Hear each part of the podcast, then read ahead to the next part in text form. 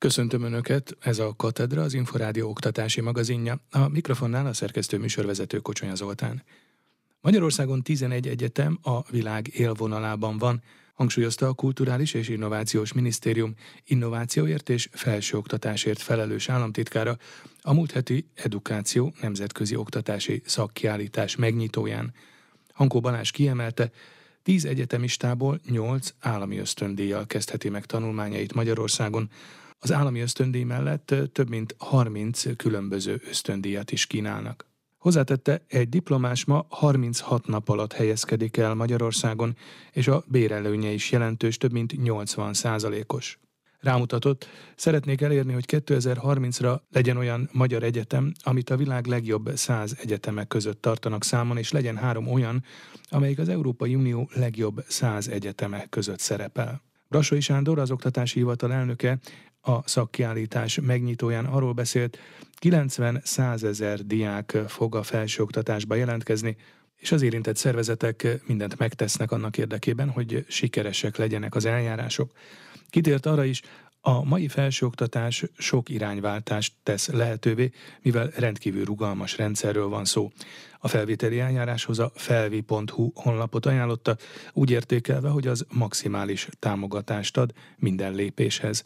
Rozgonyi Ádám összefoglalója következik. Magyarországon 11 egyetem a világ élvonalában van, a legjobb 5%-ban szerepel, tehát mondhatjuk, hogy topligásak vagyunk, fogalmazott a Kulturális és Innovációs Minisztérium innovációért és felső oktatásért felelős államtitkára az Edukáció Nemzetközi Oktatási Szakkiállítás megnyitóján. Hankó Balázs kiemelte, ritka az az ország, ahol 10 egyetemistából 8 állami ösztöndíjjal kezdheti meg tanulmányait. Az állami ösztöndíj mellett ráadásul 33 különböző ösztöndíjat kínálnak, csak nem 70 milliárd forintból 170 ezer hallgatónak, tette hozzá. Azt szeretnénk elérni, hogy 2030-ra legyen egy olyan egyetemünk, ami a világ legjobb 100 egyetemek között szerepel, és legyen legalább három egyetemünk, ami az Európai Unió legjobb 100 egyetemek között szerepel úgy, hogy ez mind Magyarország innovációképességét, jövőképességét, tudás gazdagságát erősítse. Az edukáció szakkiállítás résztvevői körében végzett kutatás szerint a diákok csak nem egyharmada változtat felsőoktatási jelentkezési sorrendjén, a középiskolások fele az első helyen megjelölt intézményt módosítja. A felmérésről a HÖOK kommunikációs vezetőjét, Budai Marcelt kérdeztük. Na azt gondolom, hogy az, hogy fiatalok egyharmada nyilatkozta azt, hogy az edukáció hatására változtatott a sorrendjén, az arra vonatkozó visszajelzés, hogy itt valóban hasznos információkat kaptak az egyetemekkel kapcsolatosan. A Budapesti Metropolitan Egyetem is részt vett több mint száz kiállító társaságában, a 23. Edukáció Nemzetközi Oktatási Szakkiállításon. A Magánfelsőoktatási Intézmény elnök vezérigazgatója azt mondta, mindenképpen érdemes kihasználni a rendezvény adta lehetőségeket, mert a jelenlévő hallgatóktól is sok kérdésre választ kaphatnak a felvételi előtt álló fiatalok. Rozgony Ádám kérdezte Tóth Ágnest. Biztosan nagy segítség, hogyha itt találkoznak számos felsőoktatási intézménnyel, fel tudják tenni azokat a kérdéseket, ami foglalkoztatja őket direktben, az intézmények képviselőinek, gyakran hallgatók is ott vannak a standok mellett, akiktől meg tudják kérdezni, hogy hogyan érzik magukat, mit tapasztalnak az adott intézményben. Mert tudjuk, hogy nem egyszerű, tehát nem csak kész kérdésekkel, hanem sokan tanácstalanul érkeznek egy ilyen kiállításra, meg egyáltalán a felsőoktatási döntés előtt így állnak volna. Úgyhogy jó, hogyha néhány biztató szót és támogatást kapnak ebben az eligazodásban. Milyen érvek vannak amellett, hogy valaki egy fiatal ember tulajdonképpen egyetemre adja be a jelentkezését, egyetemi szakot válaszol, egyáltalán megéri egyetemre járni, az ott megszerzett tudás valóban pótolhatatlan-e, vagy pedig más módon is az egyetemi szintű tudás elsajátítható, csak mondjuk kicsit szövevényesebb módon. Többen mondják már, akár felsőoktatás kutatók is, hogy nincs is szükség az egyetemekre, hiszen az az információ elérhető az interneten keresztül, amit ott elsajátítanánk. De azért ez nem ilyen egyszerű, hiszen iszonyatos mennyiségű információ van a világban, és hogy ezzel mit kezdjünk, hogyan dolgozzuk fel, egyáltalán mire van szükségünk, és hogy a tudás mellett mi az, ami még a munkaerőpiacon majd segít a boldoguláshoz, azt nagyon nehéz önállóan feldolgozva, ezen az úton nehéz egyedül végigmenni. És a másik ilyen tényező az pedig egyértelműen a motiváció. Tegyük fel, hogy tudom, hogy mi az, amit meg kellene tanulni, tehát hogyan tartsunk ki ezen az úton egyedül. Azt is tudjuk, hogy az online képzéseken a lemorzsolódás közel 90%-os, hiszen nincs ott az a támogató közeg, az a közösség, akikkel, ha nap mint nap találkozunk, az önmagában hatalmas hozzáadott érték, és ez nem csak a motivációban, hanem ez az, ami a, a legnagyobb értéke az egyetemnek, hogy egy olyan szakmai közösségbe lép be valaki, amit azért az internet előtt böngészgetve sokkal nehezebben tud megtenni. És természetesen az oktatók szerepe, akik mentorként, a tudás forrásaként és többféle szerepben vannak jelen, olyan visszajelzéseket tudnak adni, ami pedig biztos vagyok benne, hogy pótolhatatlan. Az is kérdés lehet, hogyha valaki ugye egyetemi tanulmányokba kezd, azt meddig folytassa, mert hát a bolonyai rendszerben vannak alapszakok, mesterszakok, sőt utána van lehetőség akár PHD fokozatot is szerezni. A döntést akkor lehet jól meghozni, hogyha valaki komoly önismerettel rendelkezik. Nem mindenkinek az az út az ideális, amit esetleg példaként lát maga előtt. Sokan minél előbb a munkaerőpiacon szeretnének megjelenni, elhelyezkedni, vagy gyakorlatban hasznosítani azt, amit megtanultak. Nekik nem javasolnám, hogy doktori fokozatot vagy mesterképzést válasszanak de akik mondjuk vezetők szeretnének lenni később, lehet, hogy egy mesterképzés nagyon jól kiegészíti a korábban megszerzett tudást. Magyarországon lényegében mindenki ingyenesen választhat mesterképzést a magánegyetemeken is, például a Budapesti Metropolitan Egyetem is számos olyan mesterképzést kínál, amit ingyenesen tanulhatnak a hallgatók. Biztos vagyok benne, hogy ez jelentősen hozzájárul a karrierjük további építéséhez. A Magyar Nemzeti Bank felsőoktatási szakmai műhelye az MNB intézet fenntartható pénzügyek központja is részt vett az Edukáció Nemzetközi Oktatási Szakkiállításon, hogy népszerűsítse képzéseit. A másfél éve létrehozott intézményben közgazdasági, pénzügyi és adatelemzési mesterszakos hallgatókat fogadnak. A képzést szeptember elején indították, mondta el az intézet vezetője Léman Kristóf, akivel Sipos Ildikó készített interjút. A Neumann János Egyetem MNB intézetében gyakorlatilag egy másfél éve létrehozott budapesti központról beszélünk. Itt nálunk a Magyar Nemzeti Bank közgazdasági pénzügyi szakértői, szeniorjai oktatunk, és ebből fakadóan, illetve a múltunkból fakadóan mi közgazdasági pénzügyi adatelemzési mesterszakot alkottunk meg ebben a nemzetközi programban. Olyan hallgatókat is várunk egyébként, akik ez iránt fogékonyak és ez iránt érdeklődőek, és egy szerintem nagyon versenyképes és jó tartalmú programot tudtunk összetenni, meglehetősen izgalmas és újszerű struktúrával, úgyhogy azok a tehetséges és érdeklődő közgazdász hallgatók, illetve pénzügyi hallgatók, akik mesterszakra jelentkeznek, azokat nagyon várjuk a program során. Ugyanakkor önök támogatást, ösztöndíjat is adnak a hallgatóiknak. Milyen ösztöndíj programjuk van? Egy meglehetősen egyedülálló ösztöndíj programot dolgozott ki a Magyar Nemzeti Bank erre a programra. Konkrétan arról van szó, hogy a legjobb 30 tanulmányi eredményt, eh, illetve felvétel eredményt elérő diák egy kiemelt havi 250 ezer forintos nettó ösztöndíjat kaphat teljes programidőszakra, tehát négy fél évre, illetve további 25 hallgató kaphat 150 ezer forint értékben ösztöndíjat, szintén havonta és szintén a teljes programra. Ehhez természetesen elvárások vagy kondíciók is vannak. A hallgatóknak teljesíteniük kell egy megfelelő részét a krediteknek, tehát az adott fél éves tantárgyaknak, illetve elvárunk évente egy darab TDK dolgozatot, tehát egy tudományos tanulmányt, amit természetesen a mentorálásunk alatt kell elkészíteni és benyújtani a diákoknak. Jelenleg hány hallgatójuk van? Az első évfolyamunk az 2022. szeptemberben indult el, 45 hallgató iratkozott be, és egy körülbelül háromszoros túljelentkezés volt a programra, tehát megszűrtük azokat, akiket fel tudtunk venni. Ez a 45 fő közgazdasági pénzügyi területen nappali szakon kiemelkedően nagy nagynak mondható a magyar felsőoktatási piacon. Jellemzően honnan, melyik intézményből érkezett önökhöz a legtöbb hallgató? Azt hiszem, hogy a Corvinus Egyetem volt az, ahonnét a legtöbb alapszakos hallgatónk jött, de egyébként Budapesten és vidéken is számos egyetemről jöttek össze alapképzésből a hallgatóink, és természetesen nyitottak vagyunk arra is, hogy akár határon túli magyar nyelvet beszélő diákok is jelentkeznek, hogyha természetesen az alapképzést azt be tudták fejezni. Az egyetemek közötti együttműködés fontosságát hangsúlyozta a területfejlesztési miniszter a Miskolci Egyetemen.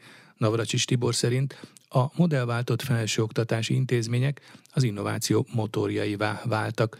Rozgonyi Ádám összeállítása. Tudatos építkezésre, összehangolt együttműködésre van szükség az egyetemek között, hangsúlyozta Navracsics Tibor, területfejlesztési miniszter. Az sok esetben a gazdasági szereplők számára és általában a társadalmi szereplők számára, a civil szereplők számára, a kulturális szereplők számára stratégiát is tud alkotni. Navracsics Tibor szerint az alapítványi egyetemeket éles támadások érik. A miniszter véleménye szerint ugyanakkor az elmúlt időszak adatai is alátámasztják, hogy a modellváltás sikeres volt. A Times Higher Education egyetemi rangsorában, az egyetemi rangsornak a legjobb 5%-ában Négy éve 7 magyar egyetem volt, kettő éve 9 magyar egyetem, most pedig 11 magyar egyetem van. Tehát van egy dinamikus növekedés, és ezek mind alapítványi modellváltáson átesett egyetemek már, mint ami a növekményt jelenti. Ugyancsak ez bizonyítja az is, hogy az elmúlt egy év alatt 18%-kal nőtt a nemzetközi adatbázisokban szereplő hivatkozások. Tehát azon tanulmányok, amelyeket a modellváltó egyetemek kutatói, oktatói jelentettek meg,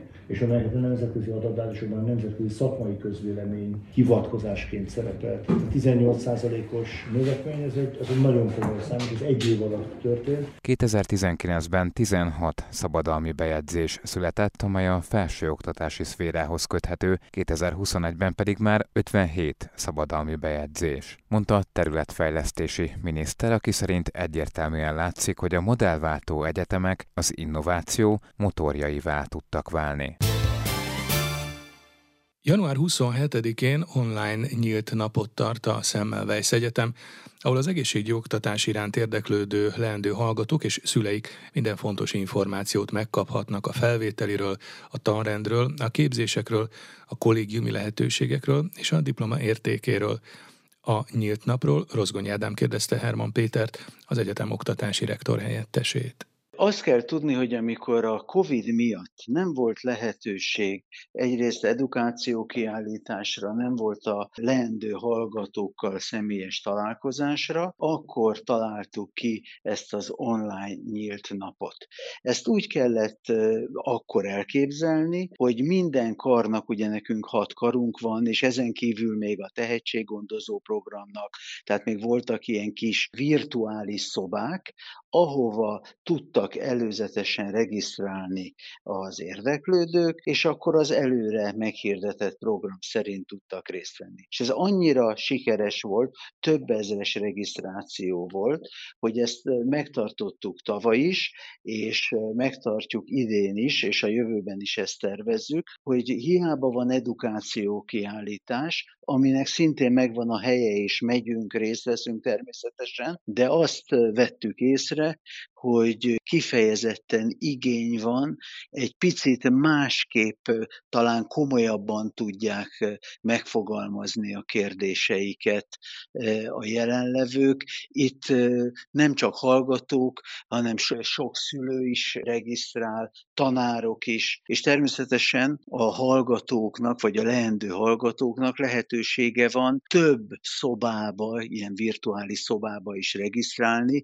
Magyarul, aki mondok egy példát, aki nem tudja még eldönteni, hogy ő a fogorvostudományi karra, vagy az általános orvostudományi karra szeretne jelentkezni, és mind a kettőt szeretné megnézni, hogy mik a lehetőségek, miről szól az oktatás, a képzés, akkor mind a kettőre tud regisztrálni, és mind a kettőt meg tudja hallgatni, kérdéseket a fórumon fel tud tenni, és e, e, ez a célja ennek a nyílt napnak. És mindezt online teheti meg? Tehát Tehát ez Igen. csak is online formában lesz majd ez a nyílt nap? Igen, ez kifejezetten online lesz, és egy hasonló struktúra szerint épül fel a különböző karokon, tehát van egy rektori köszöntő, kifejezetten erre az alkalomra készült minden kar egy bemutatkozó kisfilm, és akkor ezek bemutatása után annak a karnak a sajátosságait bemutató előadások hangzanak el. Kifejezetten törekedtünk és törekszünk arra, hogy ez ne ilyen előadásokról szóljon, hanem az előadások is a hagyományosnál rövidebbek lesznek, és több fórum belesziktatva nap folyamán, ahol lehetősége lesz mindenkinek kérdezni. Az Edukáció Nemzetközi Oktatási Szakkiállítás résztvevői körében végzett kutatás szerint a diákok közel harmada változtat felsőoktatási jelentkezési sorrendjén, a középiskolások fele az első helyen megjelölt intézményt módosítja. A kiállítások után évről évre nagyjából egy hónapjuk van a diákoknak arra, hogy változtassanak a listán. Idén, immár 23. alkalommal, január 12-e és 14-e között szervezik meg a felsőoktatási mustrát. Az eseményre több mint 100 kiállítót várnak, főként hazai külhoni és néhány külföldi felsőoktatási intézményt, valamint szakképző intézményeket és munkáltatókat.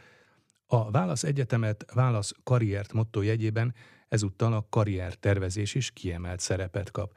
Az érdeklődők a munkáltatók gondolkodásába, elvárásaiba is betekintést nyerhetnek, így képet kapnak arról is, hogy a kiválasztott felsőoktatási intézmény milyen lehetőségeket, alapokat kínál a későbbi munkaerőpiaci sikerekhez. Tatár Tímea az egyik szervezőt, a Hőok kommunikációs vezetőjét, Budai Marcelt kérdezte az Edukáció Nemzetközi Oktatási Szakkiállításról. Nyilván a felvételi előtt álló fiatalok ilyenkor próbálnak minél több információt összegyűjteni, de valószínűleg egy kicsit más a hangulata annak, hogyha valaki ott van egyedül a számítógépén, rámegy az egyetemnek a honlapjára, vagy hogyha kijön az edukáció kiállításra, ahol azon túl, hogy interaktív élményekkel várják a kiállítók őket, rendszerint a pultokban a jövőbeli hallgatótársaik vannak, akiket nyilván egy kicsit közvetlenebbül is lehet beszélgetni arról, meg kicsit szabadabban lehet feltenni a kérdéseket arra vonatkozóan, hogy akár nem csak az, hogy milyen lesz a tanulás, hanem mondjuk milyen lesz az egyetemi élet, milyen rendezvények vannak, milyenek a kollégiumi szolgáltatások, stb. stb. És én azt gondolom, hogy az, hogy fiatalok egyharmada nyilatkozta azt, hogy az edukáció hatására változtatott a sorrendjén, az arra vonatkozó visszajelzés, hogy itt valóban hasznos információkat kaptak az egyetemekkel kapcsolatosan. Jelezhet ez a magatartás némiféle bizonytalanságot is? Nem negatív értelemben, természetesen ez egy alapvetően ez egy bizonytalan helyzet, tehát egy hatalmas váltás az egy 18 éves fiatal életében, amikor egyetemre megy, hát jellemzően ugye elköltöznek otthonról, kollégisták vagy albérletbe költöznek, meg hát azért a mai felgyorsult világban 18 évesen eldönteni azt, hogy a több száz alapszak közül melyiket válaszza az ember, ami valószínűleg meg fogja határozni a következő éveit, vagy akár a további életét is. 18 évesen ez mindenképpen egy nagyon bizonytalan helyzet lesz. Manapság nehéz az egyetemeket pusztán csak oktatási intézményként kezelni. Tehát, hogy itt fiatalok három-öt, vagy ha osztatlan képzésre mennek, akkor hat évet is eltöltenek, és ez egy sokkal komplexebb dolog, mint hogy le tudjuk annyival, hogy oda bemennek a fiatalok és tanulnak. Nem itt kollégiumban fognak lakni, itt szolgáltatásokat vehetnek fel, itt étkeznek, itt esténként akár budiznak, itt sportolnak, stb. stb. És azt látjuk az elmúlt években a hozzánk érkező kérdésekből is, amiket az edukáció kiállításon vagy az egyetemi nyílt napokon kapunk, hogy egyre jobban érdekli a felvételizőket az, hogy milyen környezetben fognak ők élni egyetemistaként, milyen hallgatói szolgáltatásokat tudnak elérni, milyen sportinfrastruktúra várja őket, milyen